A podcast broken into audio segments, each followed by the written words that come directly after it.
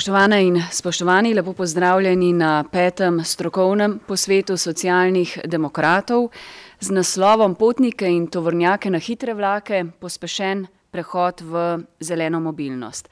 Danes se bomo pogovarjali o izzivih, ki jih pred nas postavlja nujnost zmanjšanja negativnih vplivov današnjih prometnih tokov in pa seveda vseh navad nas ljudi in na okolje.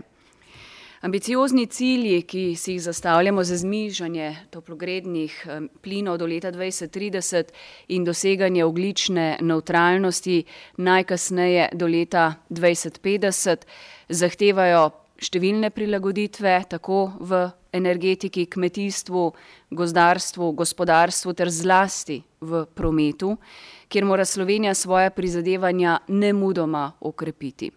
Emisije toplogrednih plinov iz prometa namreč strmo naraščajo, namesto da bi jih zmanjševali.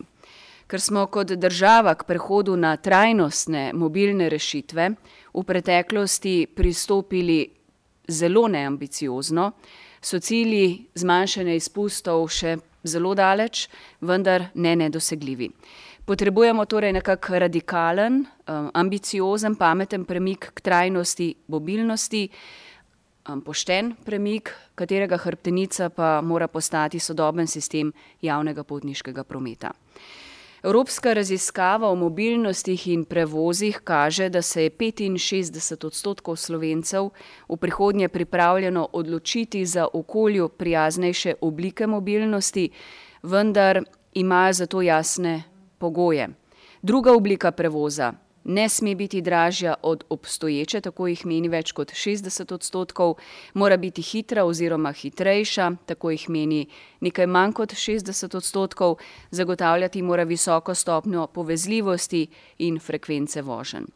Do podobnih ugotovitev so pred približno letom dni, torej že v obdobju, zaznamovanem z epidemijo koronavirusa, v raziskavi Mobilnostne navade Slovencev prišli tudi na AMZS-ju. In odgovori udeležencev v raziskavi so pokazali, da bi jih bilo kar več kot osemdeset odstotkov. Pripravljeno uporabljati večkrat javni prevoz, če bi bil ta seveda bolj dostopen, hitrejši in kot ključne razloge, zaradi katerih ne uporabljajo javnega prevoza, četudi jim je ta na voljo, pa navedli daljši čas potovanja v primerjavi z vožnjo z osebnim avtomobilom, slabo povezanost oziroma pogosto prestopanje ter nizko frekventnost voženj. Zdaj, zavedamo se, da na področju razvoja prometne infrastrukture velja, da je izvedba večine ključnih ciljev na področju zagotavljanja trajne mobilnosti ter spremembe potovalnih navad oziroma prednostnih oblik prevoza mogoče spremeniti šele na dolgi rok in ob zagotavljanju povečanega obsega financiranja modernizacije in novogradnje prometne infrastrukture.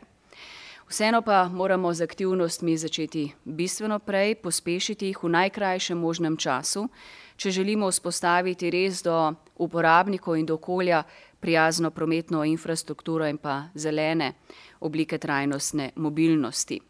Nujno bomo morali kombinirati, spodbujati tudi ukrepe, katerih rezultati v prizadevanjih ne le za zmanjšanje izpustov toplogrednih plinov, temveč na primer tudi izpustov nevarnih trdnih delcev ter obremenitev s hrupom bodo res vidni čim prej.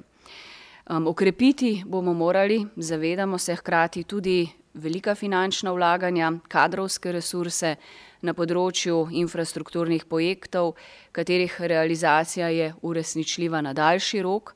Ključni projekti so zato za nas premik tovornega, zlasti tranzitnega prometa na železnico in pa izgradnja hitre potniške železnice Koper-Ljubljana-Maribor in njena povezava z mesti v sosednjih državah in nove oziroma posodobljene primestne železniške povezave, govorim o modernih mestnih in pa primestnih železnicah, vključno z učinkovito železniško povezavo do našega osrednjega letališča. In temu na koncu sledi tudi načrtovanje in izvedba postopnega zapiranja mestnih središč. Zato potrebujemo ljudem dostopne, prijazne alternative, učinkovit, kot omenjeno, potniški promet, varne kolesarske in pešpoti ter dostopno souporabo koles in pa električnih vozil. V naši viziji socialnih demokratov Slovenije smo leta 2030 na dobri poti, da pravično izpeljemo ta prehod v podnebno neutralno družbo in želim si, da nas bo večina do leta 2030 na delovna mesta se vozila res eno od oblik javnega prevoza, ker bo pač ta dostopen, ker bo udoben, ker bo varnejši in nas bo hitro pripeljal na željene destinacije. Kako to doseči, se bomo danes pogovarjali z um, mojimi gosti. Vesela sem, da lahko v naši družbi pozdravim res um, odlične sogovornice, sogovornike, s katerimi želimo socialni demokrati izmenjati stališča. To je odprta javna debata tudi s stroko. Hvala vsem, ki nas spremljate tudi preko socialnih obmrežij, da skupaj pogledamo na rešitve, ki smo jih v osnutek zapisali v program Nov začetek več kot 200 strani je zdaj v javni obravnavi. Z nami so, da predstavi magistrica Liljana Madjar, direktorica regionalne razvojne agencije Ljubljanske urbane regije, dr. Igor Jakomin, glavni strateg v družbi Cargox, ki razvija napredne blockchain tehnologije za mednarodno logistiko in trgovino, ter predavatelj na fakulteti za logistiko. Matjaš Rakovec, župan mestne občine Kran, ki se nam bo v trenutku pridružil, mlada aktivistka Daša Vindišer, dr. Franc Trček, poslanec socialnih demokratov in še en poslanec socialnih demokratov Jani Prednik in pa magister Andrej Hudoklin, predsednik sveta za infrastrukturo. Zdaj sem si zamislila zelo dinamično razpravo, kot sem vam že prej povedala, da po uvodnih izjavah, katerim vas bom izvala, pokažete, nakažete, če imate kakšno repliko, če bi radi kaj dodali, da bi bile naše intervencije čim krajše in tudi pogovor seveda čim bolj zanimiv. Najprej bi pa pozdravila še na video povezavi, kjer sem um, imela priložnost včeraj upraviti krajši pogovor z podpredsednikom Evropske komisije Fransom Timmermansom, um, ki je zadolžen za Evropski zeleni dogovor in Frans je te dni predstavil načrt za Evropsko zeleno mobilnost in kaj vse si lahko ljudje obetamo od njega, pa bi prosila samo za njegov pozdravni nagovor. The European Commission has just presented its plans on sustainable mobility.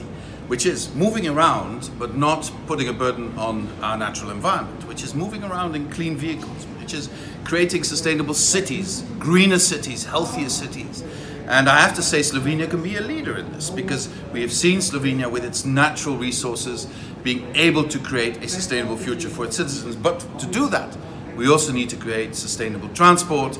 We need to move around on bikes and with electric vehicles in cities. We need to create a network of railway transport that will help young people in Europe move around much more quickly in a way that is sustainable. That is our future, not to reduce our mobility, increase the mobility, and at the same time be sustainable. Predajam besedo kar Andreju Hudoklinu, da predstavi našo vizijo mobilnosti, ustrezamo tem ambicioznim načrtom in kar je bilo v vodo povedano, kako mogoče malo bolj podrobno pogledaš v naš načrt. Hvala. Predsednica, hvala za besedo. Zdaj, jaz mislim, da vsa ta izhodišča, ki pravzaprav so bila izpostavljena v samem uvodu, tudi strani gospoda Timmermansa, v veliki meri pravzaprav odražajo tudi to, kar smo zapisali v osnutek našega programa kot takega.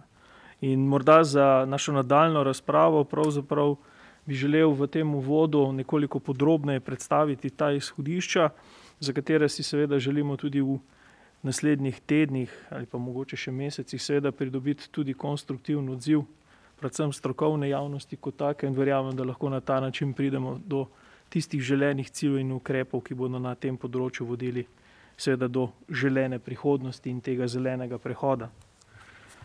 Eh, zdaj zavedamo se seveda, da promet predstavlja enega tistih eh, dejavnikov, ki tako ali drugače vplivajo pravzaprav na naš vsakdanjik in ker ima promet oziroma prometna infrastruktura tako pomemben vpliv seveda na naša življenja, si seveda želimo, tako posamezniki, gospodarstvo, družba kot celota, da bi bile različne oblike potniškega in transportnega prometa lokacijsko dostopne ter seveda stroškovno učinkovite. Z različnimi ukrepi zato skušamo naslavljati uresničevanje medsebojno neločljivih ter prepletajočih se ciljev na poti prehoda v tako imenovano zeleno mobilnost, pri čemer vidimo potrebo, da v prihodnih letih oziroma desetletjih hrbtenico prometnih tokov, eh, tako v prometu potnikov kot tovora, prevzame železnica. Ob tem želim najprej izpostaviti naslednje ukrepe.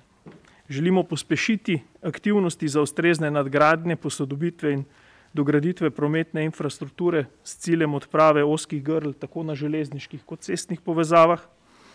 Želimo izvesti postopke za načrtovanje in zgradno hitre železniške proge na relaciji Maribor, Ljubljana, Koper, kot je bilo tudi že uvodoma izpostavljeno, ter seveda z navezavo na hitro železniško omrežje v sosednjih državah. Naj ob tem omenim, da je tudi cel, cilj Evropske komisije do leta 2030 podvojiti dolžino hitrih železniških prog v Evropski uniji in s tem nadaljevati tudi v nadaljnih desetletjih. Čim prej želimo doseči izpolnitev tehničnih pogojev za doseganje standardov na celostnem jedrnem vseevropskem prometnem omrežju ali tako imenovanem skratico TNT, zagotoviti sodobno mestno in primestno železnico ter zagotoviti ustrezno železniško povezavo do letališča Jožeta Pučnika Ljubljana, s posodobitvijo in nadgradno železniških povezav omogočiti rast in krepitev vloge ter položaja Luke Koper in seveda slovenskih letališč, izgraditi sodobna logistična vozlišča, ki bodo omogočala polni izkoristek danosti večmodalnih prometnih tokov, torej izgradna večmodalnih ali multimodalnih centrov, kjer se bodo učinkovito srečevale ter dopolnjevale v celovito transportno verigo različne oblike prevoza kot takšnega. In seveda, kot je že bilo tudi izpostavljeno, želimo povečati delež prepeljanega tovora v železniškem prometu in z cest na železnice postopoma omakniti predvsem tranzitni tovorni promet.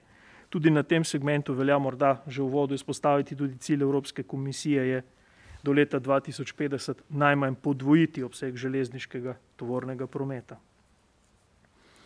Seveda za prehod v zeleno mobilnost je pomembno vzpostaviti tudi učinkovit in dostopen javni potniški promet za vse, s katerimi ukrepi želimo to pravzaprav nasloviti z učinkovito nadgradno sistemske ureditve področja spodbujanja rabe javnega potniškega prometa s poudarkom na uvedbi v celoti enotne in digitalizirane vozovnice za javni potniški promet z izgradno dostopnega multimodalnega javnega potniškega omrežja izboljšati prometno povezanost med regijami in mesti ter znotraj mestnih središč, preko enotnega upravljavca javnega potniškega prometa zagotoviti uskladitev voznih redov različnih izvajalcev in različnih oblik prevoza z nadgradno prometne infrastrukture in posodobitvijo ter povečanim številom vozil, vozil v javnem potniškem prometu, seveda povečati frekvence voženj, kot je bilo že izpostavljeno tudi v vodu predsednice, ena od tistih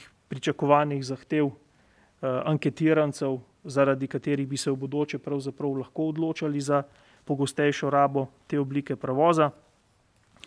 In seveda proučiti in pripraviti tudi sistemski okvir, ki bi v prihodnje omogočil pravzaprav brezplačno javno rabo potniškega prevoza za vse.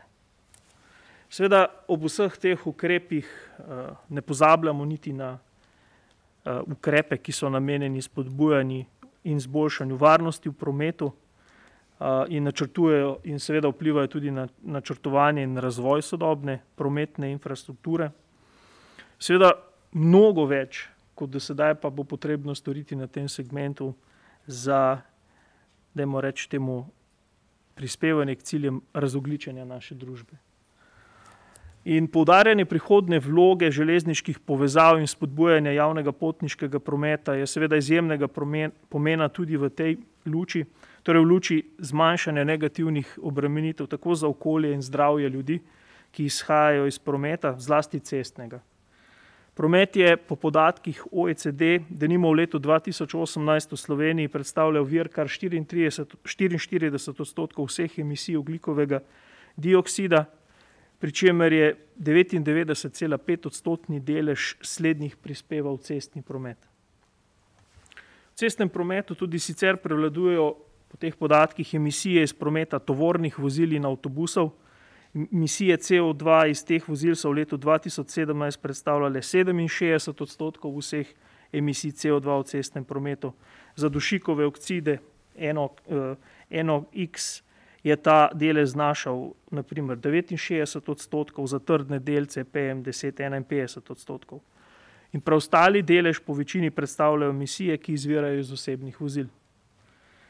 Tudi v Evropski uniji, kot smo že slišali tudi v navodnem, uvodnem nagovoru gospoda Timmermansa, je sicer promet odgovoren za četrtino emisij vseh toplogrednih plinov, ta delež pa ustrajno žal narašča. In eh, prav zato je tudi Evropska unija oziroma komisija v njenem imenu sprejela ambiciozne načrte in sektorske politike za radikalno zmanjšanje emisij toplogrednih plinov iz prometa, ki podobno kot je zasnovano v našem programu, sloni predvsem na večji vlogi železnici in javnega potniškega prometa, zapiranju mest za promet ter prehodu na nižsko oglična vozila. Dejstvo je, da žal na področju slednjih eh, Slovenija trenutno precej zaostaja za skandinavskimi državami in državami Zahodne Evrope. Prav tako pa se uvrščamo na rep v Evropski uniji tudi po številu razpoložljivih polnilnih mest za alternativna goriva. Morda velja ob tem poudariti, da je bilo v prvem polletju leta 2021 v Evropski uniji 18,5 odstotkov novih registriranih vozil na električen pogon ali so bili to priključni hibridi. Eh, v tem istem obdobju je bilo v Sloveniji na to vrsten pogon registriranih le 2,5 odstotka novih vozil. Kaj načrtujemo, da bi pravzaprav to stanje popravili? Želimo seveda pospešiti izgradno javne polnilne infrastrukture za alternativne vire goriva, tako za osebna in tovorna vozila ter vozila namenjena prevozu potnikov v javnem potniškem prometu. Uh, želimo pospešiti pripravo in izvedbo sistemskih rešitev za postavitev polnilne infrastrukture za stanovalce v večstanovanskih stavbah. Tu se moramo zavedati, da dan danes je za nekoga, ki stanuje pravzaprav v večstanovanski stavbi, pravzaprav misija ne mogoče v tem trenutku kupiti električno vozilo in zanj skrbeti in ga normalno polniti. Spremeniti ali preučiti spremembo sistema subvencij za nakup vozil za brez emisij CO2 na izpustov za posameznike in gospodarske subjekte, ter uh, seveda uvedba subvencij za nakup električnih uh, koles. Po podatkih uh, sicer našega poslanca Dejana Židena in odgovorih in pojasnilih ekosklada naj bi bilo to že omogočeno v letu 2022. In mislim, da je žal, da temu ni bilo tako tudi v tekočem letu ali kakem letu poprej, glede na to, da je prav veliko govora o spodbujanju kolesarjanja in pešačenja kot enega od tistih ključnih dejavnikov, ki lahko prispevajo k prehodu v trajnostno mobilnost. Seveda, trudili se bomo za pospešeno izgradno celovitejše in medsebojno povezane prometne infrastrukture za pesce in kolesarje ter uh, za dopolnitev javnega prevoza z mrežo park and ride sistemov. So uporabo električnih vozil in koles, ki jo je mogoče spodbujati tudi z javno in neprofitno mrežo vozil z jamstvom dostopne cene in širitvijo tudi v tiste predele Slovenije, ki zaradi razpršenosti poselitve in vzorcev lete morda niso zanimive za profitabilne mreže. Pospešena upeljava uporabe pogonskih tehnologij na vodik, zlasti na področju mestnega in lokalnega avtobusnega javnega potniškega prometa ter seveda uresničevanje povezane in avtomatizirane večmodalne mobilnosti ter skladno s cilji Evropske unije tudi postopna implementacija uporabe umetne, umetne inteligence za pametnejšo in varnejšo mobilnost. Zavedamo se, da je zeleni prehod seveda nujen, zavedamo se tudi, da bo stroškovnega vidika precej zahteven. Potrebno bo seveda zagotoviti stabilen in trajen vir financiranja vlagan tako v železniško, kot sem že podaril, glede na razpršen vzorec poselitve Slovenije, tudi cestno infrastrukturo, obenem pa zagotavljati seveda določen obseg sredstev tudi za nadaljni razvoj na področju letalske in pomorske infrastrukture. Zato predlagamo tudi oblikovanje namenskega infrastrukturnega sklada s stabilnimi in trajnimi finančnimi viri. S pomočjo slednjega pa želimo primarno zagotoviti financiranje investicij in investicijskega vzdrževanja glavnih in regionalnih cest ter investicij v nove proge, nadgradnjo obstoječih prog in njihove obnove. Kot je že bilo rečeno, problematika na tem področju je vsekakor kompleksna, je večplastna in v prihodnje zahteva celovito načrtovanje, medsektorsko povezovanje in aktivno soudeležbo različnih deležnikov. Slednje menimo, da je nujno, če želimo nam in prihodnjim rodovom pravzaprav zagotoviti zdravo življenjsko, okolje, ki bo spodbujalo našo kreativnost, ustvarjanje visoke dodane vrednosti, zdrav življenjski slog ter obenem omogočalo še učinkovitejšo mobilnost. Hvala. Andrej, Andrej, hvala lepa za res podrobno predstavitev programa, vizije, načrtov.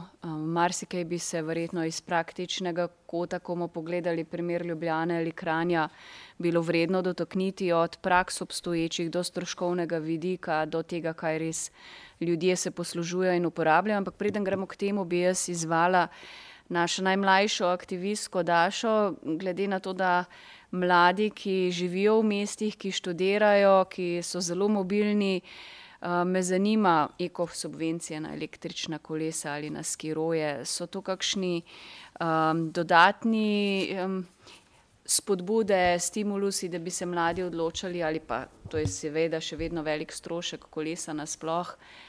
Kakšen je tvoj pogled na mobilnost? Hvala najprej za besedo. vesela, da sem, da sem danes lahko sodelujem pri tej strokovni, razpravi kot mlada aktivistka in predstavnica mladih. Zdi se mi, da je, trajnostna mobilnost večplasten problem, ki je vsekakor sestavni del zelenega prehoda. Tukaj govorimo o elektromobilnosti, krepitvi javnega potniškega prometa, kolesarjenju in hoji, vsekakor pa mora trajnostna mobilnost zadevati tudi tovorni promet, kar je v določenih aspektih še bolj zahtevno.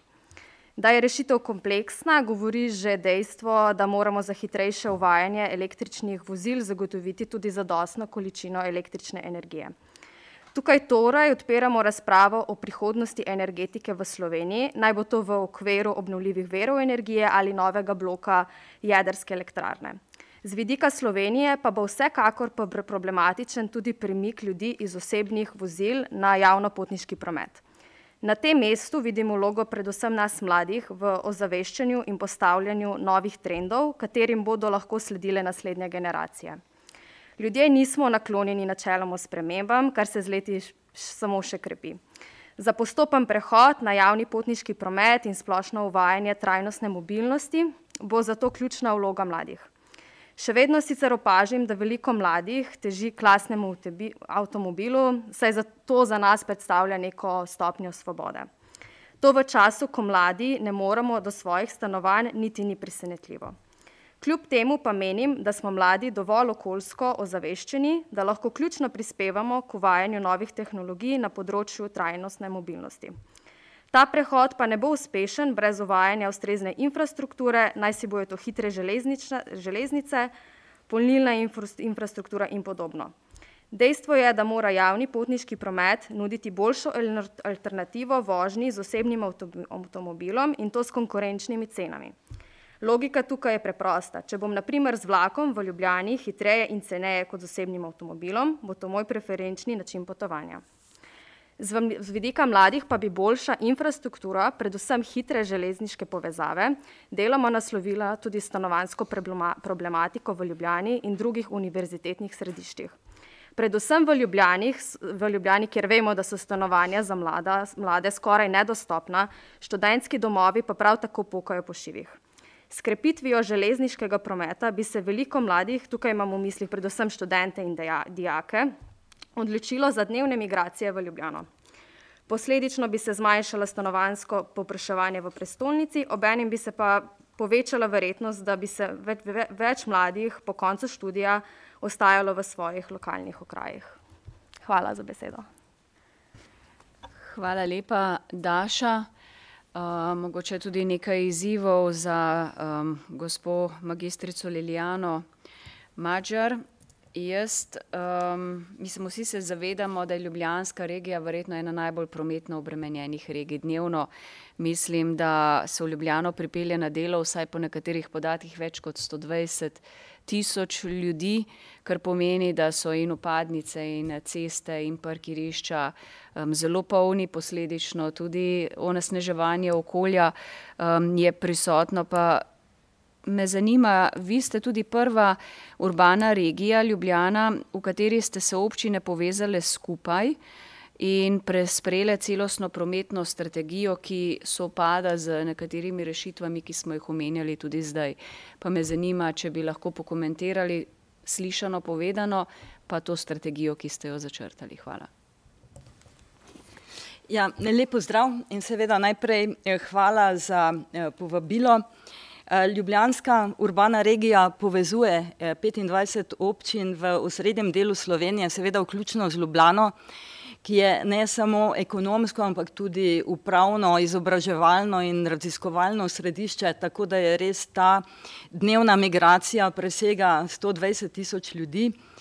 In še vedno večina prihaja v osebnih avtomobilih, ob tem pa je zasedenost povprečnega avtomobila mečkan čez eno. Ne. Skratka, mi imamo tu res velik izziv.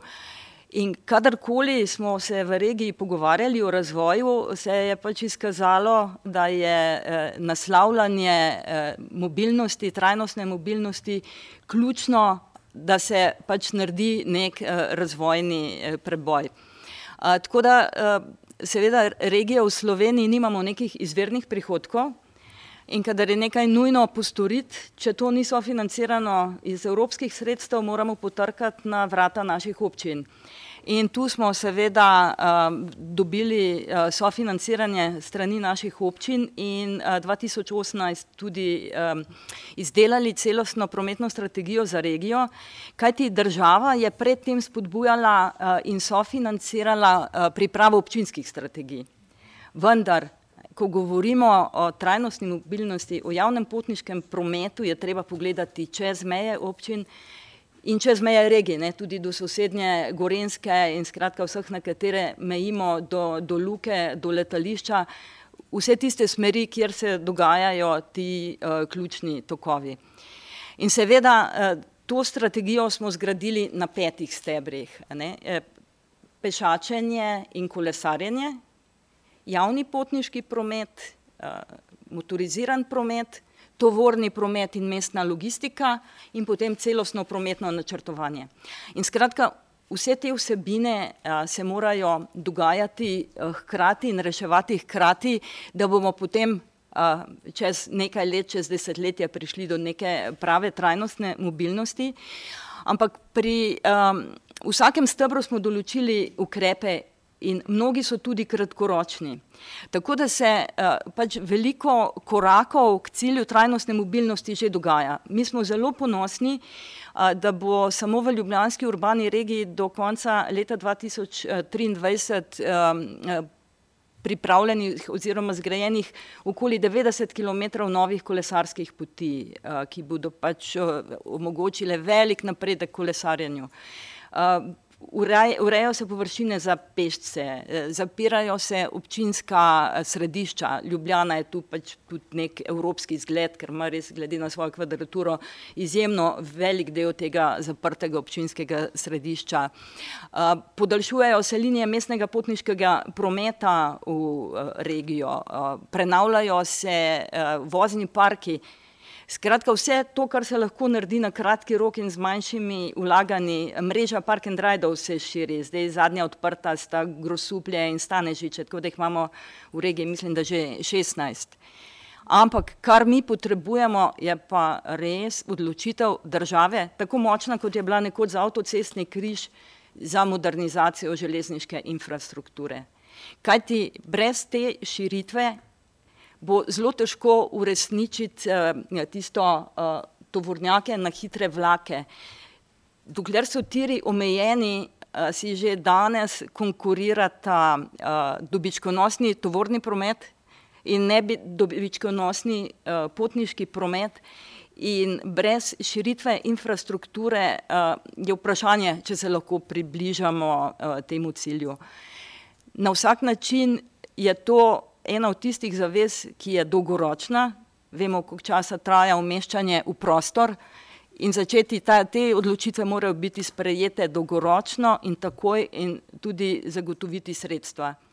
Potem so pa tudi mnogi ukrepi, eh, ki pa niso tako zelo dragi, ampak zahtevajo pa pač veliko konsenza na državi, skratka, priti do neke eh, resnične integracije potniškega prometa, enotne vozovnice, kjer lahko potem že z voznimi redi prilagodimo ta takt, da, vsaj, da je vsaj nekoliko prijaznejši uporabnikom. To, to so pa neki ukrepi, ki, ki se pa lahko izvedejo prej. Skratka, sodelovanje vseh nivojev, občinski, regionalni, kjer smo lahko koordinatorji, ker pristojnosti pač nimamo, in nacionalni, medsektorski, ampak res te zaveze, zaveza za železnice, za modernizacijo, elektrifikacijo, ureditev postaj. In ena ključna zadeva je tudi ureditev Ljubljanskega železniškega vozlišča. Jaz sem na agenciji od leta 2007, leta 2008 so nam predstavili študijo variant za državni prostorski načrt, zdaj zaključuje se leto 2021 uh, in žal še nismo nikamor prišli. Ne. Če se te zadeve ne rešijo na državnem nivoju, se bojim, da bodo ti cili vaši smeli uh, in bom rekla spodbudni za našo državo, za uresničitev zelenega dogovora zelo nedosegljivi. Tako da naslavljate prave zadeve, ampak res čvrsto, čvrsto mora biti pa ta odločitev za železnice in začeti takoj. Hvala lepa tudi zato, ker nekako potrjujete, da ta odločitev za železnice je edina prava pot za razbremenitev uh, mestnih jeder, regij, središč in za tudi uh, to zeleno mobilnost, prehod.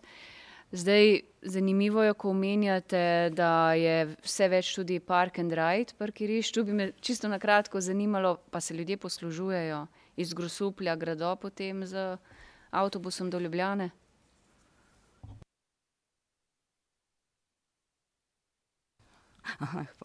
Hvala, malo manjša tehnika. Nekateri park and ride so zaživeli na polno, da rečemo. Ne? Tu je pač eh, stvar eh, tradicije.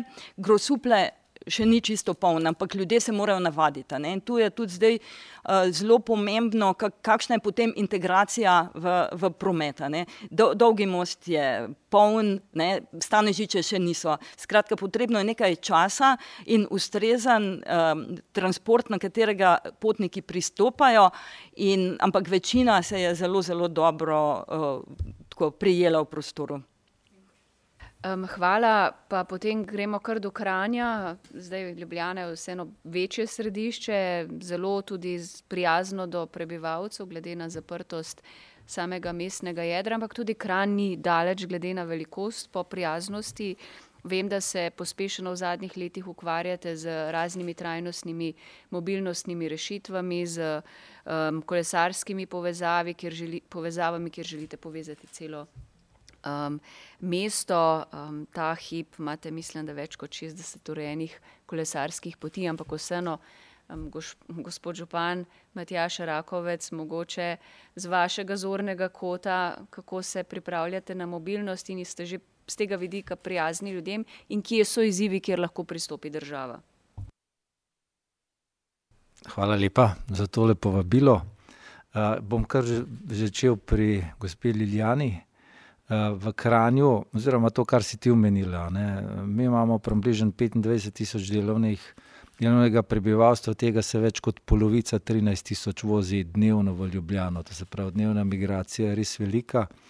Vemo, da Kran recimo, ima ta handicap, da se nahaja na skali in da je železniška povezava dejansko treba iti v. Uh, v, na železniško postajo dol, to se pravi, je problem same migracije in zato se ljudje toliko ne poslužujejo tega. In ravno tukaj imamo glavni izziv v mestni občini Kran, da bomo zdaj glavno avtobusno postajo premaknili ob železniško postajo, naredili centralni potniški promet, kar je bistveno omogočilo dejansko uh, uh, prevoz potnikov iz uh, mesta in okolice z električnimi avtobusi. Mi smo ravno konec meseca dobili strani Evrope odobrena sredstva za nakup električnih avtobusov, to gremo drugo leto, štiri električne avtobuse, poleg tega smo tudi dobili konec leta, ker imamo idejo v za sofinanciranje električnih avtobusov polnilnice, smo tudi dobili strani Ministrstva za finance, da ne gre za državno pomoč, tako da imamo dejansko odprte odprto vse roke za to, da res začnemo tudi na tem področju e-mobility izvajati na področju avtobusnih prevozov. Istočasno smo novembra odprli tudi dve sončni elektrarni na področju komunale, dve sto kilovatni sončni elektrarni, kar pomeni, da je naša ideja, da proizvajamo lastno električno energijo, in seveda prihranimo tako pri izpustih, pri kot seveda pri boljšem življenju ljudi. No, zdaj bi začel to, kar dejansko bi moral začeti od začetka, mi smo letos, Mestna občina Kranj dobila priznanje kot najbolj e-mobilna občina v Sloveniji, kajti letos smo začeli s projektom zamenjave vseh avtomobilov na klasičen pogon z električnimi avtomobili. V Mestni občini Kranj, v vseh naših zavodih, torej osnovnih šolah, vrtcih, domu za upokojence ter pa komunali, imamo sto trideset vozil, letos smo jih že enainštirideset zamenjali z električnimi avtomobili. Ideja je, da zamenjamo seveda ves vozni park, približno milijon šeststo sedemdeset tisoč kilometrov prevozimo s temi službenimi avtomobili in plan je, da bomo v letu triindvajset vse te kilometre prevozili z električnimi avtomobili. kar je potem zelo pomembno, je tudi to, da vsaka recimo, bom na primeru povedal, vsaka osnovna šola je do zdaj imela svoj kombi, ki je bil uporabljan dan ali dva v celem tednu, in s tem sistemom uvajanja električnih avtomobilov smo že začeli reducirati uporabo teh kombijev, gre, to se pravi za šeranje, za delitev teh, te uporabe. In moram priznati, kar sem se pozanimal, se je zadeva zelo lepo prijela. Poleg tega, da so električni avtomobili oziroma kombiji, ki se vozijo, moraš pač obvladati vožnjo, da čim dalj časa lahko voziš z njimi, preden polniš, je ta novost še, da se ti kombiji delijo med več osnovnih šol, to je bila kar velika sprememba, ampak zelo dobrodošla pri ravnateljih in pa pri tistih, ki to uporabljajo. No, drugi steber, to se pravi, prvi je, da rečem, menjava vseh avtomobilov na klasičen pogon, drugi steber je pa lastne polnilnice. In imamo, vsak avto, ki ga imamo, ima svojo domicilno polnilnico, to se pravi, imamo več zdaj že kot enainštirideset domicilnih polnilnic, ker avtomobili sproti prihajajo, poleg tega pa montiramo tudi javne polnilnice, to se pravi na, na, ki bodo namenjene javni uporabi. No, in pa tretja, kar se mi zdi pa ključnega pomena v tej zgodbi, je pa sončne elektrarne. Mi smo, jaz sem že prej omenil dve sončni elektrarni po sto kilovatov, potem imamo dobrih trideset kilovatov na eni osnovni šoli, dejansko poleg zelene strehe, ki jo imamo na eni osnovni šoli in bomo jih še naredili, delamo tudi oziroma izkoriščamo vse strehe, kjer je možno za izdelavo sončne elektrarne. za postavitev sončne elektrarne. In pa seveda namestitev tudi baterije, vemo, da v poletnih mesecih je proizvodnja večja kot v zimskih mesecih. Tako da to nas je seveda pripeljalo do tega, da smo dobili naziv najbolj e-mobilna občina v Sloveniji. Uvajamo zraven tudi te kolesarske poti, o katerih si govorila, mi smo za skoraj trikrat v tem mojem mandatu povečali dolžino kolesarskih poti. ali s tem, da smo naredili nove kolesarske poti, najbolj odmevna je ta Kokrica pa do posestva Brdo, kjer smo zasadili tudi drevesa, moram priznati, da letos smo zasadili dvesto dreves, v bistvu gre za drevorede, tukaj sodelujemo skupaj s podjetji in tudi izvedli smo botrstvo, ki je dejansko za za petdeset dreves smo takoj dobili botre, posameznike, fizične osebe, tako da se bomo tega projekta lotili tudi v prihodnji, prihodnjem letu. Uh, imamo pa kar nekaj poti uh, delitev z voznim pa, uh, pasom uh, avtomobilov, tako kot pač se po slovensko bi to reklo. Uh, tako da ja. Tukaj smo res gledamo na to, da smo čim bolj trajnostni. Prihranki, ki smo jih ocenili, lahko povem, da bo samo prihranek za potrebe službenih voženj 452 MW električne energije na leto, kar bi, ko bomo zamenjali pač vsa vozila. Prihranili bomo na leto 150 ton CO2, -ja, kar ga približno absorbira 7700 dreves oziroma slabih 18 hektarov gozda. To so te rešitve, ki jih, ki jih imamo, ki jih stalno spremljamo. Tudi dejansko Evropa uh, meri uspešnost in sicer je model vrednotenja zmanjšanja družbene škode. In naša ocena je, sam s tem mobility, da bo ta znašala 66 tisoč evrov na leto, oziroma milijon na 15-letno raven, ker gremo skupaj z z uh, zasebnim partnerjem. Jaz bi še to lahko povedal, da ta naš model uh, je pritegnil kar precej zanimanja tudi pri uh, raznih podjetjih. Uh, in uh, moram priznati, da sem na velik sestankov vabljen, ker je to zelo zanimiva zadeva. Tudi na večje podjetje se bo zdaj na zelo podoben način lotilo problematike teh avtomobilov. Uh, oziroma vožen na klasičen pogon. Uh, in mislim, da je to ena taka lepa usmeritev. Uh, moramo pa spodbujati, seveda, tudi posameznike. Jaz konkretno uh, imam na hiši tudi električno, uh, um, električne panele, to se pravi za proizvodnjo električne energije. Ravno danes sem gledal dejansko proizvedemo 12 uh, megavatov uh, električne energije in tudi toliko bomo videli konc leta porabili, s tem, da imamo in privat avto in jaz imam služben avto na elektriko. Tako da dejansko je ta, treba je tudi pri, pri posameznikih začeti in dokazati, da je to možno. Je pa uh, izziv seveda velik vožnja z elektriko, to je bilo omenjeno. Uh, na daljše postaje, oziroma na daljše vožnje, je treba kar lepo izračunati. Moram pa priznati, da uh, ti vožnja, taka vožnja, pobere mnogo manj živcev, da smo mnogo bolj uh, umirjeni, uh, bolj preudarno vozimo, ni več potrebno, koliko hitro avto gre, ampak koliko daleč avto prispe, kar bo, pe, pe, mislim, nekako prispevalo tudi na to neke boljše odnose, na boljšo kulturo, kar se vožnje tiče. Zdaj pa, če še moj pogled lahko rečem, avtomobilov v privatni lasti bo skos manj. To je dejstvo. Jaz mislim, da nas to čaka s to, to usmeritvijo Evrope, ki bo tam na začetku 30-ih let dejansko ne bo več proizvodne vozil na klasičen pogon. Uh, mislim, da bo tega delitve skozi več, da boš ti dejansko prazen, spraznen avto, ki je na elektriko, lahko nadomestil takoj z novim in dal svojega tega izposojenega poln. Skratka, mislim, da se nam tukaj obeta zelo, zelo velika sprememba in to bo treba vnesti v, v ta program. Uh, jaz sem bil zdaj le mesec dni nazaj na Norveškem in tam je v bistvu dejansko zelo redko, kdaj v Oslu sem bil, vidiš avto na klasičen pogon.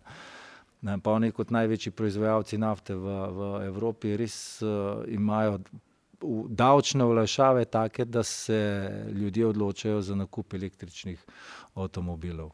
Uh, kar se pa železnice tiče, ja, to, kar je gospa Mađa rekla, ne, uh, umeščanje v prostor, to je glavni problem. Ne. Mi, ko smo končali cestni križ oziroma ta cestno povezavo Slovenije, tukaj se je zamudil, to, tudi mi smo bili v teh vladah, ne, da se na železnici ni delali. In tukaj imamo res veliko izgubljenega in uh, treba bo pa prej urediti ravno te, te postopke za umeščanje v prostor, ker drugače bo minila še ena generacija, predno bomo v Sloveniji dobili tako povezavo železniško, kot jo imamo z avtocestami. Hvala, Matjaš. Zdaj Um, ko si omenjal, kaj lahko tudi posamezniki in ta nasploh model od sončne elektrarne do električnih vozil in lastnih polnilnic. Um, se tudi jaz sama kot uporabnica električnega vozila spopadam z istimi izzivi in grem ravno v to smer električne sončne elektrarne doma, polnilnice, avta in je res izziv, predvsem dolga razdalja, kar praviš, ker se mi je že zgodilo, da mi je zmanjkalo elektrike, zlasti zdaj, ko je zima in mraz. Um, to je, ampak bolj je cenovni izziv. Ne? Zdaj so eko subvencije, verjetno ne bodo stalne in dolgo, da si bojo lahko ne vem, kako občina lahko koliko tu je sredstev, ki pridejo mogoče z državnega proračuna ali pa tudi iz evropskih, ki bojo zdaj načrtani za to digitalno, zeleno prihodnost. Lahko tu tudi dobi občina sredstva za tako mobilno, trajnostno rešitev. Ne, kar se tega tiče, to je seveda stvar posamezne države. Pri nas je ta subvencija avto vreden do 65 tisoč, 4500 evrov, zmanjšana zdaj je tudi nekaj ugodnosti za podjetje. Jaz mislim, da velik, velik puš bi bil dan s tem, da bi še podjetjem olajšali, to se pravi, najem teh avtomobilov električnih, ne, da bi začeli dejansko v podjetjih nadomeščati, tako kot smo mi na občini, vozila na klasičen pogon z električnimi. In pa recimo mi razmišljamo tudi o souporabi teh vozil, dopoldan, ko je v uporabi v službi, je namenjen za službene potrebe, potem bi pa lahko vsak zaposlen si najel avto, če ga rabi za popoldan. Ne, to so te variante, o katerih razmišljamo, in je pač ta uh, zasebni partner, ima sistem že izdelan. Seveda, to, je, to so velike spremembe v razmišljanju, ker slovenec še vedno mora imeti en ali pa dva avta, mora biti uh, pri hiši doma, drugače nič ne veljaš. Ampak mladina, jaz vidim pri, pri svojih, pa razmišlja čisto drugače. Ne, ime pa to, ta lastnina breme, da tako rečemo. Čeprav Daša je prej v vodu rekla, da je lahko ta lasnina tudi en odraz samostojnosti, ker je lasnina stanovanja bistveno teže kot avtomobila. Ampak um, tu se tudi mladi razlikujejo glede na zmogljivosti, zagotovo. Um, mogoče Franjo Mariborčansi, pa prej je župan Matjaš rekel, um, da verjetno vse manj bo lastništva vozil. Jaz imam kolege iz Amsterdama, iz Pariza v Evropskem parlamentu, ki mi danes pravijo, da praktično niso več lastniki vozil, ker si avto delijo, jemljajo za tiste razdalje, ko se premaknejo iz velikega mesta, mogoče enkrat na teden, kam drugam sicer pa uporabljajo. Um, potniški promet. Zdaj, skupina študentov je pred leti vzpostavila eno platformo za deljenje vozila, uh, in tudi za zmanjšanje posledično stroškov, za um, hiter prevoz do cilja. Um, ta platforma prevozi uraga. Jaz vem, da si ti kar zelo uporabnik javnega prometa. Si se kdaj mogoče tudi tega posluževal, glede da si veliko na razdalji in kje mogoče sam vidiš priložnosti za izboljšave. Ja, hvala, Tanja. Bom poskušal biti eh, kratek, ker moram v bistvu nekako destilirati 27 eh, let mojega profesionalnega delovanja. Ne. Eh, nisem se tega posluževal, to je v bistvu sprogramiral sin eh, enega od politikov z desne strani, če smo odkriti, ne moramo biti eh, fair, ampak to nam kaže, kaj se zgodi v bistvu, če se pozabiš ukvarjati z mobilnostjo. Ne. Bil sem neki zadnji mohikanec slovenskih železnic do popolnega lockdowna, potem sem moral po enih 14 letih kupiti avto in, in komaj čakam, da, da se znebim eh, prevozov po avtocestah. Ampak zdaj, če se mi pogovarjamo o mobilnosti, se moramo pogovarjati dosti eh, širše. Ne bom nanizal par zadev, pa verjetno sem jih pol, pol spustil. Ne dostopnost, nedostopnost, perifernost, socialna izključenost, kje lociraš delovna mesta, lokalno, regionalna samooskrba, kdaj ti nekaj tele nadomesti nekaj drugega. Ogromno nas živi dvo multidomicilnosti na, na več lokacijah. Potem imamo vprašanje eh, reindustrializacije in degradiranih starih industrijskih območij. Ne. Vsaka občina bi imela vsaj eno obrtno cono uh, ali več njih. Ne, pol se moramo vprašati, ker se nekako nočemo vprašati, pa tle sem osamljen, koliko in kakšne luke Koper. No, besedno, ne, mi bi si morali to vprašanje vprašanje postaviti. Pol vsi e-mobilnost, kako, kako bomo zagotavljali robustnost električnega sistema. Pol, kot je povedala gospa Mađar, ne, ti moraš sočasno, profesor Jakomin bo verjetno tudi povedal, ti moraš sočasno misliti lokalno, regionalno, medregionalno, mednarodno, ne, imaš v bistvu prej en ogromen sistem neenačb kot enačb, pa ne vem, verige Markovskega, če se, če se tako izrazim, ne. Pol imamo neko vprašanje, veste, prehod iz avtomobilizacije vse to drugo pomeni, pri avtomobilih stroške eksternaliziraš, ne. Vržeš, tisti, ki uporablja, naj si najde peneze, da to uporablja, ne. Vse te druge oblike pomenijo v bistvu internalizacijo stroškov, ne. Mi potrebujemo drugi, drugačen gospodarski razvojni model, da bomo imeli peneze, da si bomo to lahko privoščili, ne. Pol imamo kolesarske poti, ne. Kolesarske poti danes, številne od teh, s katerimi se lahko številni župani pohvalijo, so v veliki meri rekreativne, ne. Mi pa potrebujemo kolesarske poti, ki bojo hrbtenično mobilnostne, ne, če se, če se tako izrazim. Pol recimo Matjaž se je dobro dotaknil, ne, v nekih bolj mislečih se družbah srednja in večja podjetja, organizacije so že dvajset let nazaj začele delati svoje mobilnostne politike, ne. A veste, imate nemška mesta, ker te na neki način subvencionirajo, da ne boš z avtom hodil na šiht, ne. Suma sumarum, ne, če pa gledamo povprečne dohodke v Sloveniji, razen redkih izjem, je zame avto predrag strošek. Pa nehajmo se mi hecati. Malo boljši električni avto petdeset jurjev, pa bomo pet tisoč imeli dobropisa iz nekega Eko sklada. Kakšna je povprečna plača v Sloveniji, ne? Jaz se zavedam, da se popolne deavtomobilizacije ne bomo mogli iti. Mi imamo malo več kot šest tisoč naselij, skoraj šest tisoč jih je pač naseljenih in se moramo tulele vprašati, kot je uvodničar kolega Andrej povedal, izredna razpršena poselitev, ne, in seveda tudi tisto ustavno vprašanje, katero družbeno infrastrukturo zagotavljamo in kje, ne.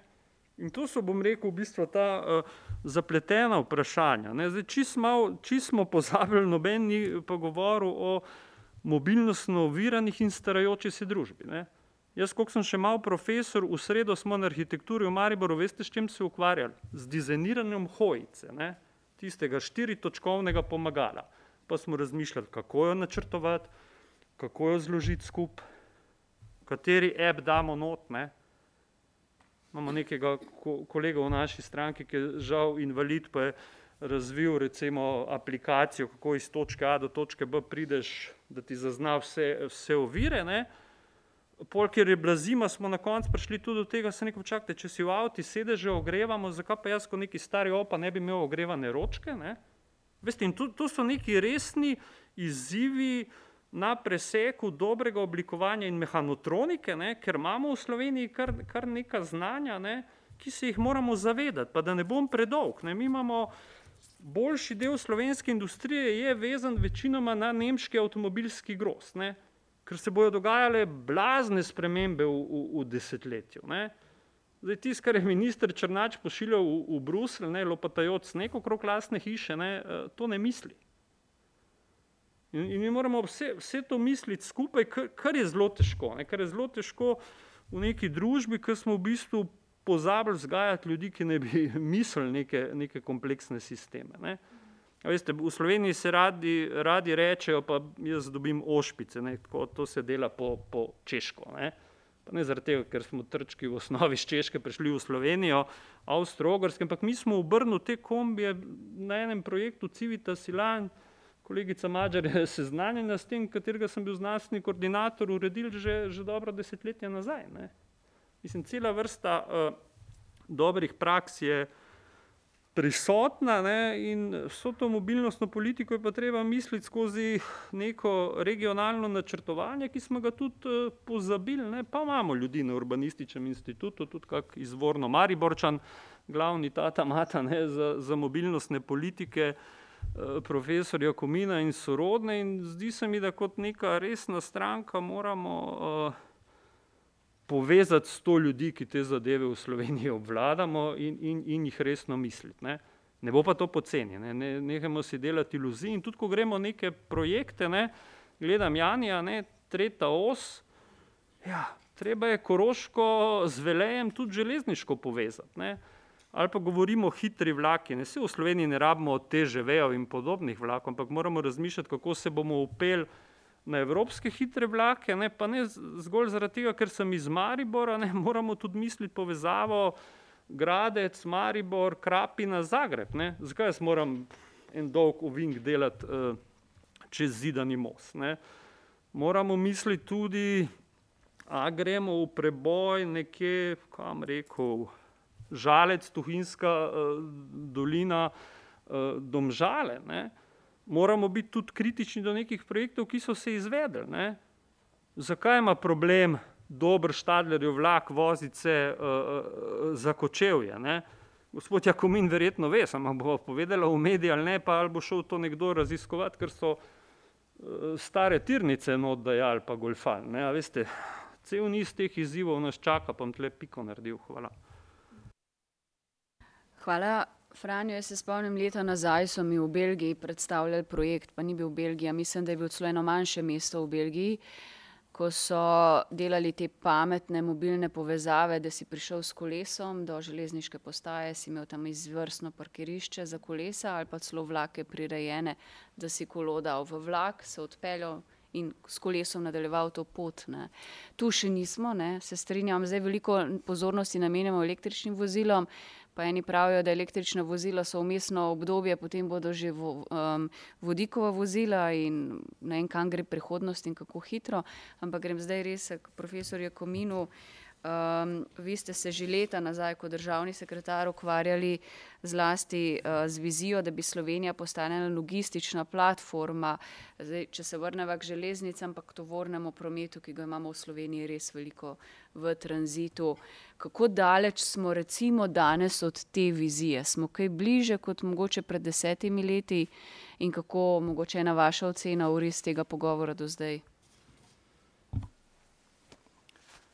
Ja, hvala lepa in za to vprašanje, hvala za vabilo na to okroglo mizo in čestitke tudi stranki SD, da je povabljena na razpravo v vsebinskem delu programa tudi stroko, ne, pa čeprav s tveganjem, da je mnenje stroke včasih kaj drugega kot tisto, kar politika pričakuje. Uh, poznan sem po tem, da ne obstopam od strokovnega mnenja, ne sledim navodilom nobene politike, tako da se že naprej upravičujem, če bo kaj določene stvari mogoče kritičen, pa to ne uh, škodoželjno ali pa namirno, ampak samo z željo, da bo SD, ko bo krojila vso do tega resorja, bila še boljša, kot je bila do zdaj. Uh, omenila ste, uh, ste uh, bom rekel, obdobje, uh, ko sem imel priložnost sodelovati v, v vladi skupaj z ministrom Vlačičem, uh, takratni SD-jevi vladi. In uh, od prvega dne je bila že naša želja, uh, tako so tudi pol promovirala in tudi delala v smeri, da Slovenija dejansko postane logistična platforma za jugovzhodno Evropo. Uh, nisva si izmišljala tople vode, ampak sva v bistvu dejansko sledila takratnim trendom. Ki so veljali na globalnem nivoju, ne, in z željo, da bi to prenesla v bistvu na, na uh, našo, našo regijo. Uh, dejstvo je, da smo takrat v bistvu bila prva v zgodovini mogoče Slovenije, ki so začela govoriti o logistični platformi, o razvoju logistike, eh, to tudi umeščala v ustrezne dokumente. Ne, je pa res, da v bistvu marsikatere stvari nismo mogli realizirati, ker, je, ker so bila kamen spotike, marsikomu. In to so dejstva, ki po mojem se še danes, danes pojavljajo, ne glede na to, kdo je na oblasti. Uh, če pogledamo dejstva, ne, da na današnjem, bom rekel, logističnem trgu, uh, v bistvu dokazujejo, da so imela prav. Logistični centri rastejo v vseh delih Slovenije, ne samo v tistih štirih, ki so bili pred desetimi leti kao predvideni. Rastejo tudi na takih mestih, kjer v bistvu človek sploh ne bi pričakoval, da bo tovor tam zašel da bo tam ga možno zaustaviti, da bo tam možno ustvariti neko dodano vrednost. Odprla so se delovna mesta, kar neki v, nas, v sektorju logistike in danes, ko bomo še govorili o prenosu ali pa preusmeritvi blagovnih tokov iz ceste na železnice, se je kar nekaj na temu v tem desetletju naredilo. Uh, mogoče je edino ena, bom rekel, samo kritika je ta, da takrat, ko smo imeli čas, da bi to obrnili nam uprit, uh, tega nismo naredili. Zakaj?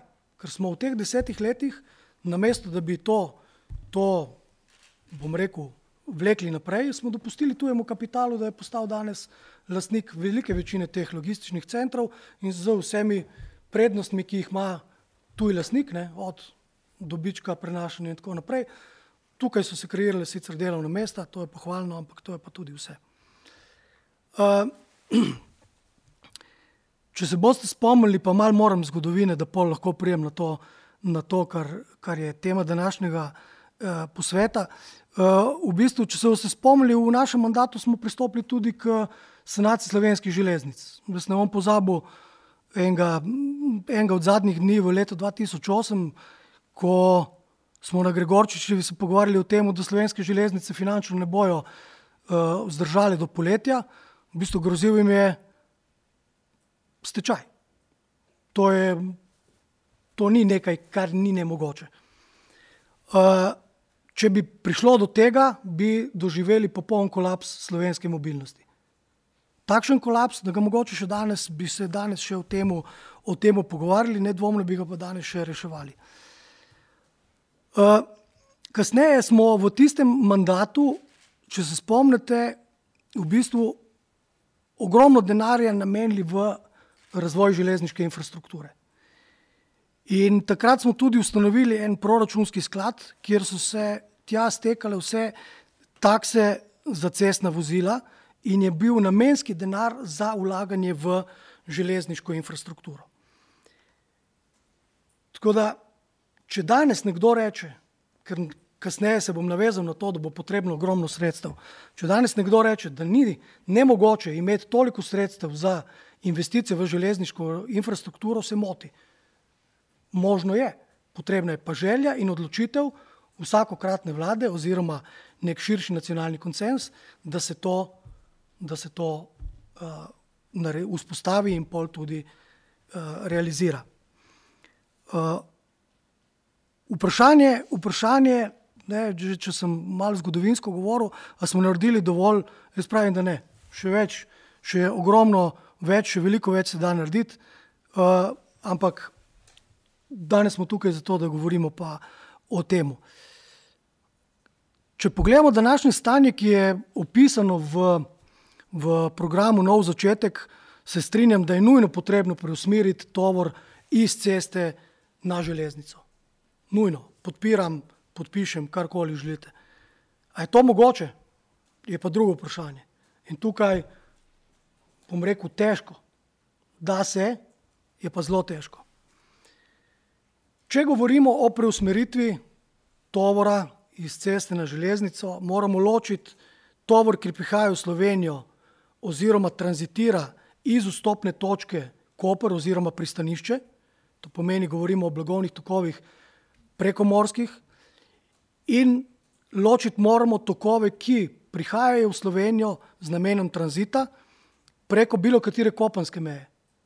Tega ne moramo enačiti teh tovorov, ki prihajajo eh, preko kopenskih meja, je ogromno. In zaradi tega tudi stanje, kakršno je danes na cestah, je predvsem zaradi, zaradi tega. Če bi želeli to rešiti, ena od rešitev je prehod, tako kot je napisano, potnike in tovornjake na hitre vlake, ne, to, to pomeni tovornjake na hitre vlake, bi bilo potrebno to vzpostaviti sistem uprtnih vlakov. Sistavi, ampak vzpostaviti jih, da bi bilo življensko in funkcionalno zelo frekventno. To govorim na vsako uro, je, je, je tisti minimum. Čim bi šli na neko večjo frekvenco, ne pije vode, Smo tranzitna država, smo majhna država. S kamionom greš iz ene meje do druge v parih urah. Če bi proces nekega šoferja prisilili, da se ustavi na meji, počaka celoten operativni poseg, na, da gre iz ceste na vlak, čakal eno uro, on bi takrat bil že od meje čez Ljubljano na drugo stran proti svoji končni destinaciji. Poleg tega, da ne govorimo, da tukaj bi prevozniški sektor bil zelo, zelo nezadovoljen uh, in normalno je tukaj potrebno ogromno ne samo želje po vzpostavitvi tega finančnih sredstev, ampak ogromno tudi nekega večjega in širšega konsenza. Govore o prepovedi prehitevanja kamionov na avtocestah. Pohvalno, super ukrep, a dejansko se, se izvaja. Ne. Zakaj? Ni kontrole, to je prvo. In po mojem mnenju, če bi želeli to urediti, so globe še vedno preniske. In če bomo želeli začeti za politiko spravljanja tovornjake na hitre vlake, je treba najprej začeti pri tem delu reševati problem. Kontrolo vzpostaviti takšno, kot je potrebna, in pol tudi, tudi v bistvu ustrezne globe, zato da bomo imeli, da bomo imeli tudi neko, mogoče bom na robe rekel, prisilo, da bo cestni promet se, se preusmeril na železnico. Če si predstavljamo Slovenijo, takšna rešitev, kot sem jo zdaj povedal, ki bi bila ena od rešitev, naprimer na kraku Vipavske doline, je nemogoča. Zakaj? Nimamo železniške povezave. Nimamo povezave do tam, kjer bi morali imeti. Ja, ok, nekdo bo rekel, da ja, alternativa je iz vrtojbe proti Sežani, pa iz Sežane pol proti, recimo, proti vzhodu, vzhodnim, uh, vzhodni meji. Dajte se vprašati, kakšne infrastrukture, recimo, to je na edini tehnično izvedljivi uh, varianti, kakšno infrastrukturo imamo, dotrajeno, hitrosti, neverjetne, razdalje, nemogoče. Če me vprašate, nesprejemljivo. Če pogledamo tisti drugi del obremenitve slovenskih cest, to je tranzitni tovor, ki nastaja v Koperskem pristanišču in v bistvu, ki, ki dosega zaledne trge Slovenije z temi prekomorskimi tokovi, imamo dve možnosti. Eno je spet upeljava teh oprtnih vlakov za, za kamione, ki štartajo v Kopru in grejo proti zalednim državam, oziroma oziroma preusmeritev že v tisti točki na železnico, tovora na železnico do končne destinacije. Ne vem, če ste se kdaj vprašali, ali je to možno. Danes gre iz Koperskega pristanišča operativno 26 do 28 parov vlakov dnevno. Maksimalna zmogljivost trenutne infrastrukture je 28. Ne bom rekel, da smo na 100%, smo pa na 99%. Ali je to možno danes narediti? Ni možno. Vprašanje, seveda, ki bi ga pričakoval, je, kaj pa drugi tir. Ne? Toliko smo vsi govorili, že bom rekel, politika pred, pred nami, politika za nami, politika danes vsi govorijo o drugem tiru. Odgovor je da delna je to rešitev. Uh, Zavedati se morate nekaj. Mi gradimo nov tir, sodoben, po sodobnih standardih in tako dalje. Zavedati se moramo tudi, da je Luka Koper dobila je, državni prostorski načrt, ki je omogočil in ki omogoča širitev na kapacitet, podvojene kapacitete od teh, ki so danes.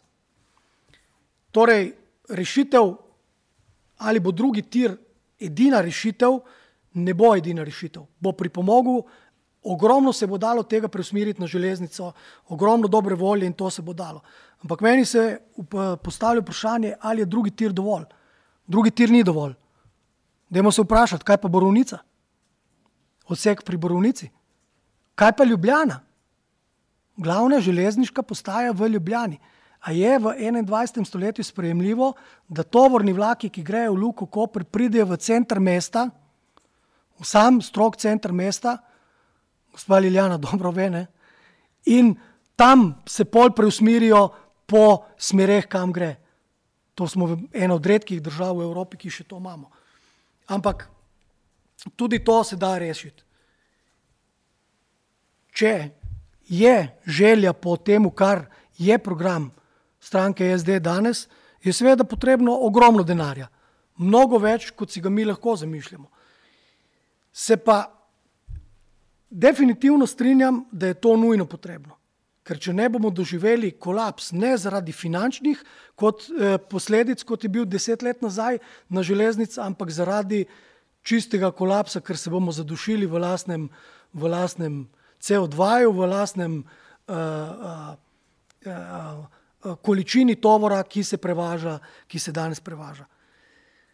Uh, tako kot sem podaril, popolnoma se strinjam s tem, kar je zapisano v programu.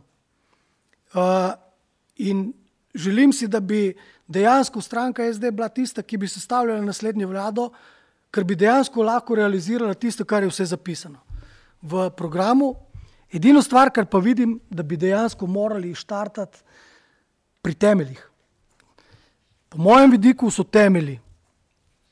Nacionalni program za razvoj železniškega prometa, kjer je potrebno doseči širši konsens, ne samo konsens vladajoče politike nacionalnih programov, pričakovali bi jih dosti več v 30-letni zgodovini, bilo jih je bore malo, sprejet za železnice, ne me imati za besedo, ampak mislim, da nobeden.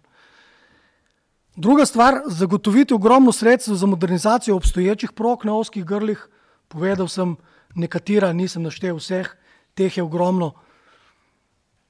Tretja stvar, v dogovoru z ostalimi deležniki dogovoriti prioritetne nove trase, kjer bi dobili širši konsens, tle bo treba res pravi, pod pravim, pod pravim nazivom nacionalni konsens in s tem zagotoviti boljšo pretočnost in rešiti eno tako imenovano rak rano, mislim, da je, uh, da je nekdo že omenil od predhodnikov, pohitriti in skrajšati postopke za umeščanje kritične infrastrukture v prostor še vedno smo na istem, kot smo bili ali 10, ali 20, ali pa 30 let nazaj.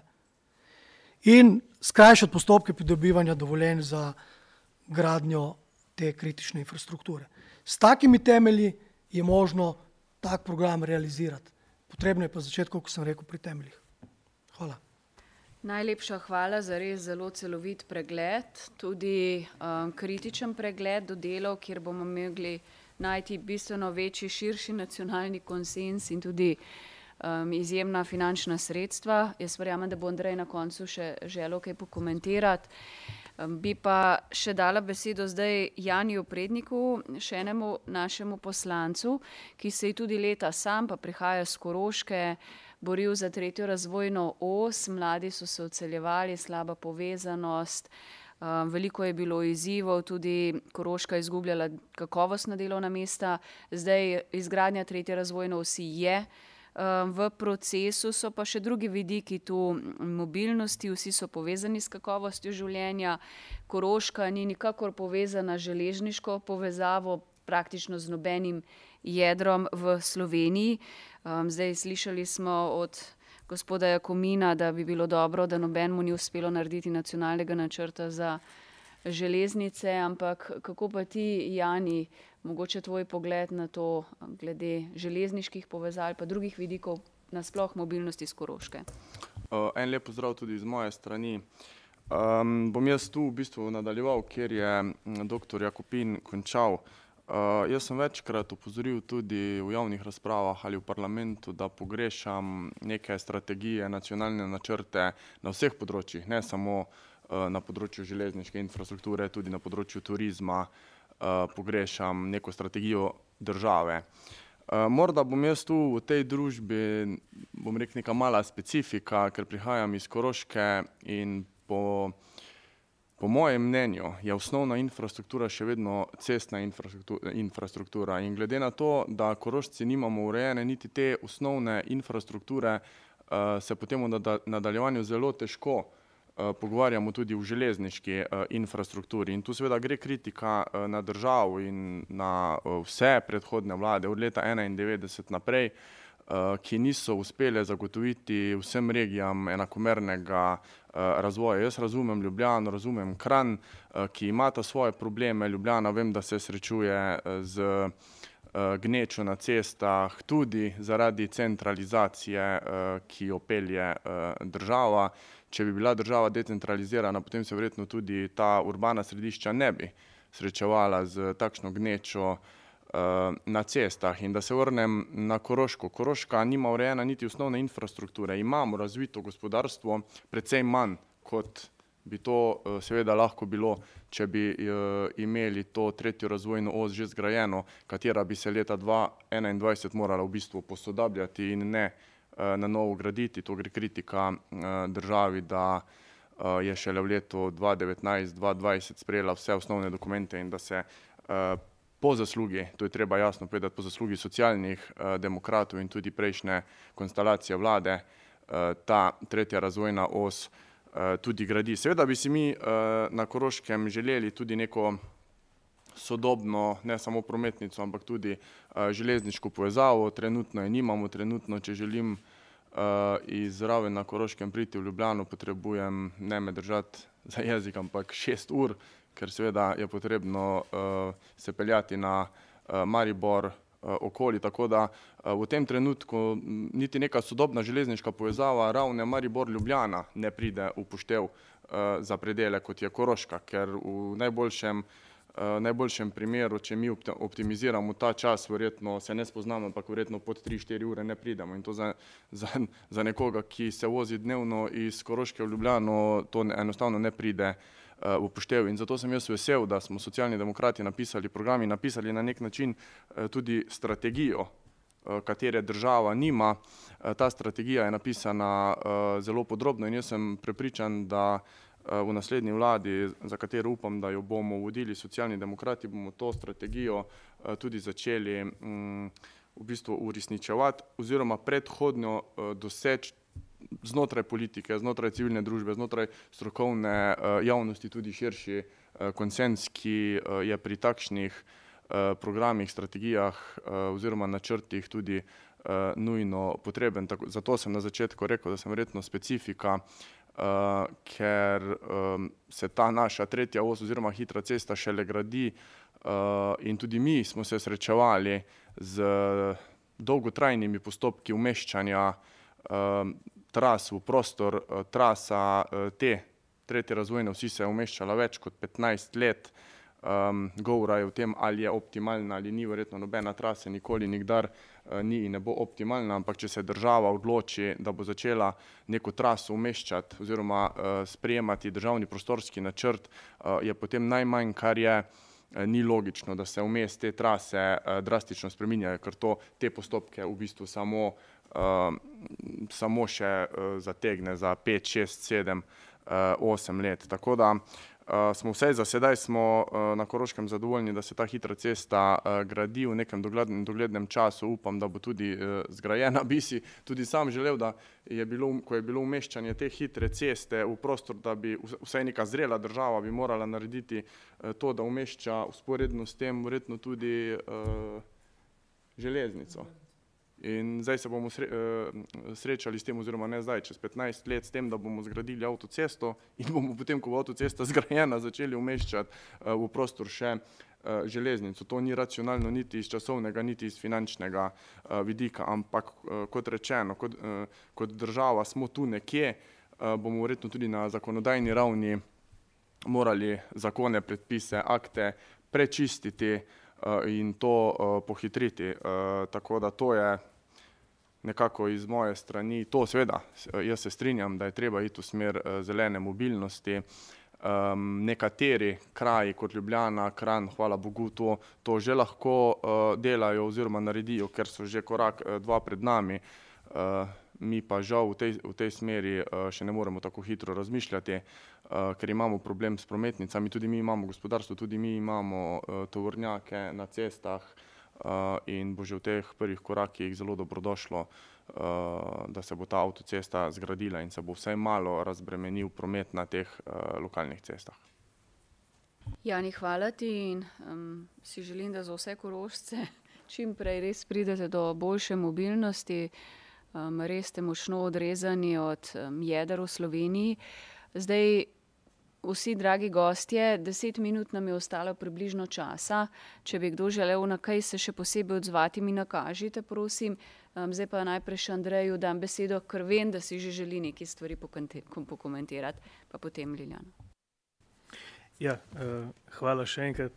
Zdaj, seveda, kar nekaj zanimivih stvari je bilo izpostavljenih v današnji debati, in jaz mislim, da so seveda dobrodošli tudi za ta program kot tak. Ne, in uh, seveda strategijo načrtovanja v bodoče. Pravzaprav so to bolj ali manj vprašanja, s katerimi smo se v preteklih mesecih srečevali tudi uh, v razpravah znotraj strokovnega sveta za infrastrukturo. Ne. Mi se zavedamo, tako kot sem že prej v vodoma rekel, večplastnosti teh težav in problemov kot takih. Ne.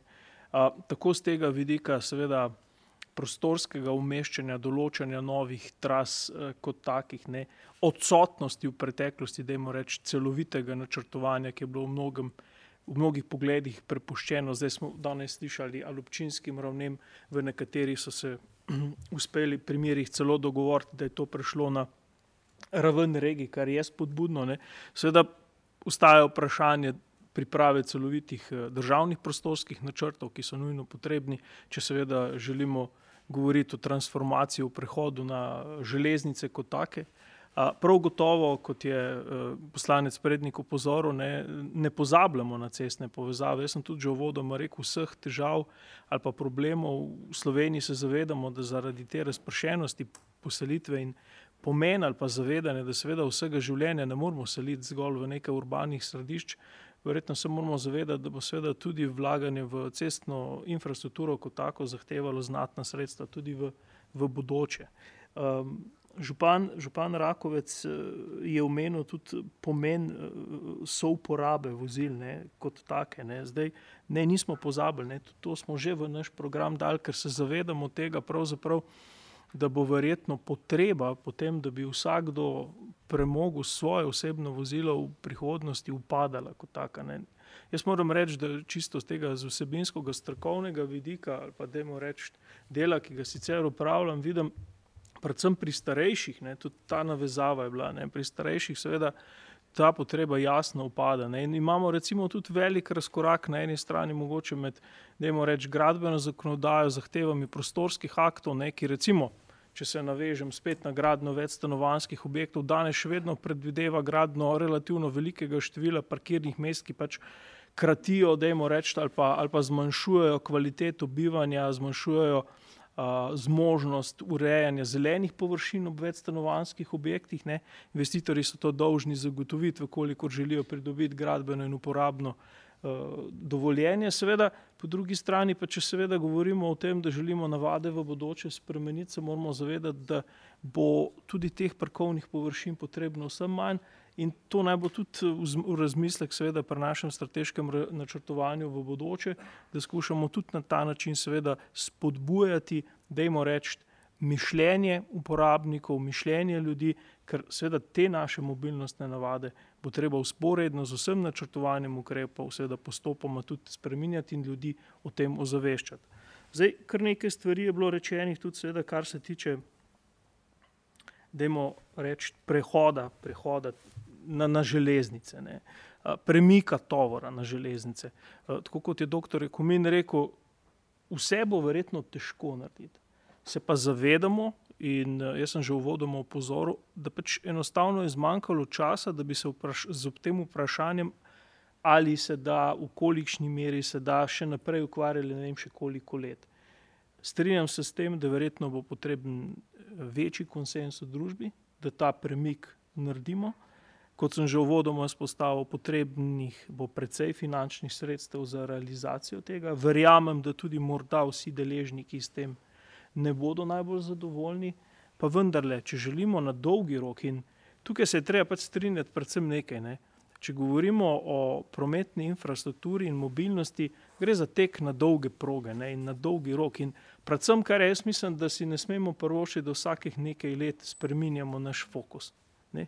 Strategijo je treba začrtati, pripraviti jo na celovit način. Se strinjam z dr. Jakominom, da tudi na področju železniške eh, prenove kot take ali pa transformacije je verjetno podobno, kot je tudi gospa Mađar že opozorila, podobno kot je to veljalo recimo v preteklosti za avtocestni križ, ko je obstajalo širšo soglasje v družbi sprejeti to odločitev tudi na ravni družbe in pač v prihodnih desetletjih ne samo finančne, ampak tudi kadrovske resurse, ki mislim, da jih Slovenija premore usmeriti v to, da najdemo najoptimalnejše rešitve. Jaz pa mislim, da ne smemo si pa slepiti, da bomo pa vse uspeli seveda rešiti na najbolj optimalen način, ampak če bodo vsi deležniki pripravljeni k temu prispevati, mislim, da se lahko ciljem kar precej približamo. Um, lepa hvala, Andrej. Um, gospa Mađar, Izvolite. Eh, hvala. Se bom čisto kratka, ampak eh, komentirala bi, da je možno tudi na cesti biti bolj zelen, skratka od osebnega vozila na kolektivni prevoz, souporaba, e-mobilnost. Vendar pri e-mobilnosti se mi zdi, da je vredno poudariti nekaj, da je treba zadeve videti celostno, tako kot je gospod Rakovc predstavil. Skratka, tudi ta energija mora biti pridobljena zeleno. Ne? Ali ti sintetični plini, ki jih bomo imeli, morajo biti pridobljeni na trajnostni način. Ne? Ker če ne, če bomo to pač počeli iz teša pa iz uvoza, ne, ne, ne bomo dosegli svojih ciljev.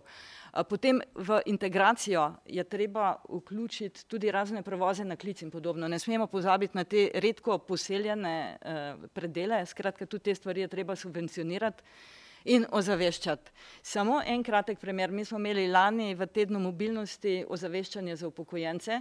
Naučili smo jih uh, uporabljati e-bic, eh, naš bicikl in poklicati kavalerja. Naslednji dan sem dobila dve pismi zadovoljnih upokojenk, ki sta rekli, da smo jim polepšali življenje in vso prihodnost, ker se pa zdaj počutite v Ljubljani pa čisto drugače. Tako da vsi skupaj, tudi z mehkimi koraki, lahko ogromno naredimo. In še mogoče dodate, kar je Franjo preomenil, glede um, tudi mobilnosti za invalidne ali pa težko pokretne osebe, se mi zdi, da je pomembno. Ni, nismo jo omenjali, ker jaz bom rekla, saj kar se tiče naše regije, je to tako samo po sebi umevno. Vsi avtobusi so prilagojeni, uh, skratka vse, kar se počne. To je tako samo umeven del, da verjetno zato nismo omenili. Absolutno izjemno pomembno. Hvala, župan. Ja, jaz bi še tole dopolnil, pa to, kar je Franjo tudi rekel.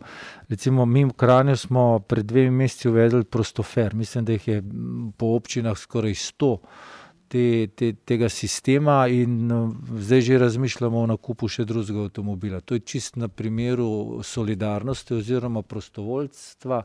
Imamo prostovoljce, ki na klic uh, pridejo iskat invalidno osebo, osebo, ki si pač ne more prvošiti in jo pelje do zdravstvenega doma, tudi v klinični center. Skratka, to, to, to obstaja. Potem tudi, kar se tiče to, kar, je, kar si Franjo rekel, glede eh, podjetij, da subvencionirajo, spodbujajo vožnjo z avtobusi. Ja, v Kranju mi za ta sistem damo 2 milijona evrov od recimo letošnjega 70 milijonov premližen proračuna, in eh, mesečna karta stane 10 evrov. S tem dejansko pomagamo industriji, to se pravi vse podjetja, ki delujejo od teh največjih, dejansko njihov strošek, kar pokrijo, je samo 10 evrov za, za, za to mesečno karto in to je seveda zelo dobra zadeva.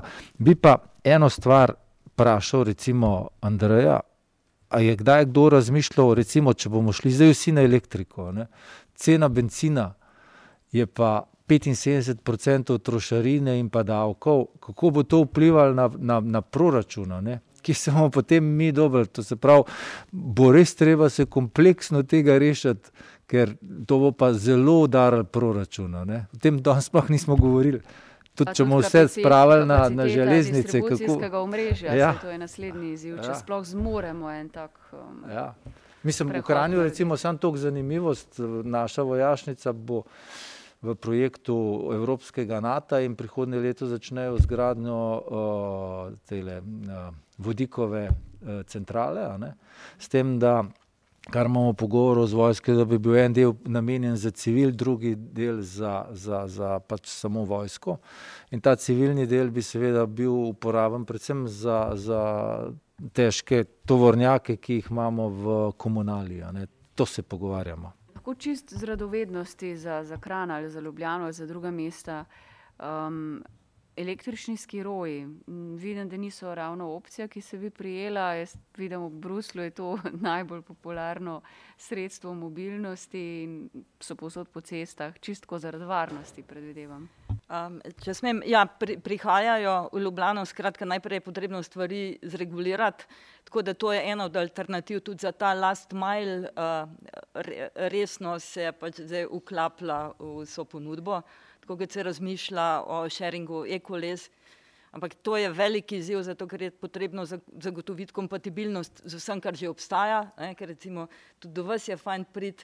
Skratka, ne, ravno zato, ker niso stvari načrtovane celovito, ko se postavi prva polnilna postaja ali pa prve postaje za izposojo e-koles, je potem, ko hočeš to nekako poenotiti za celo regijo ali recimo za celotno Slovenijo, velik izziv. Ampak zato smo tu, da jih premagujemo.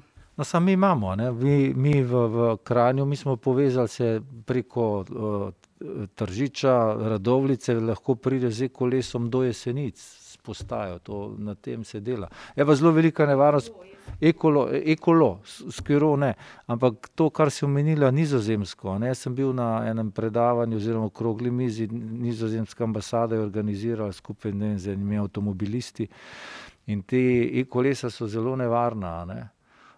To, to, to je bilo prav podarjeno strani ambasadorjev. Ogromno nesreče, sploh starejših, ne? ker so kar nankrat hitra. Ne? To je motobajk že na konc koncev. Treba biti zelo previden. Ja, hvala. Ne, jaz bi sam na kratko dodal tle eno stvar, danes pa mogoče se navezal to, kar je eh, gospa Mađer rekla, pa, pa župan Rakovec. Uh, sodobne tehnologije danes dajo ogromno nekih rešitev, ki jih pri nas še sploh ne govorimo o njih. Uh, omenjen je bil sharing, ne, ali, ali je to bike sharing ali karkoli. Ne. Poglejte, v, v Madridu danes se šer že zadnji sedež mopeda.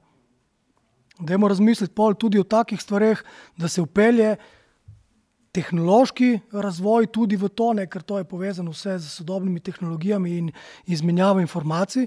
In tukaj pa seveda to, to kar je bilo pa prej večkrat povedano, ozaveščati. Ker če bomo mi ozaveščali mlade, da imamo te možnosti in da v bistvu so vse te opcije, katere mogoče danes sploh niso znane, bo, bo se, bom rekel, nek neka mobilnost popolnoma spremenila in to lahko v zelo kratkem času.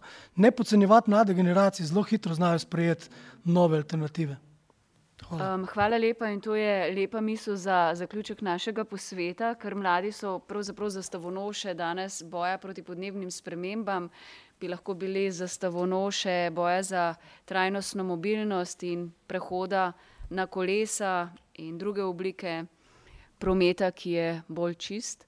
Jaz se vam vsem lepo zahvaljujem. S tem naš posvet prihaja praktično serija posvetov v tretjo fazo.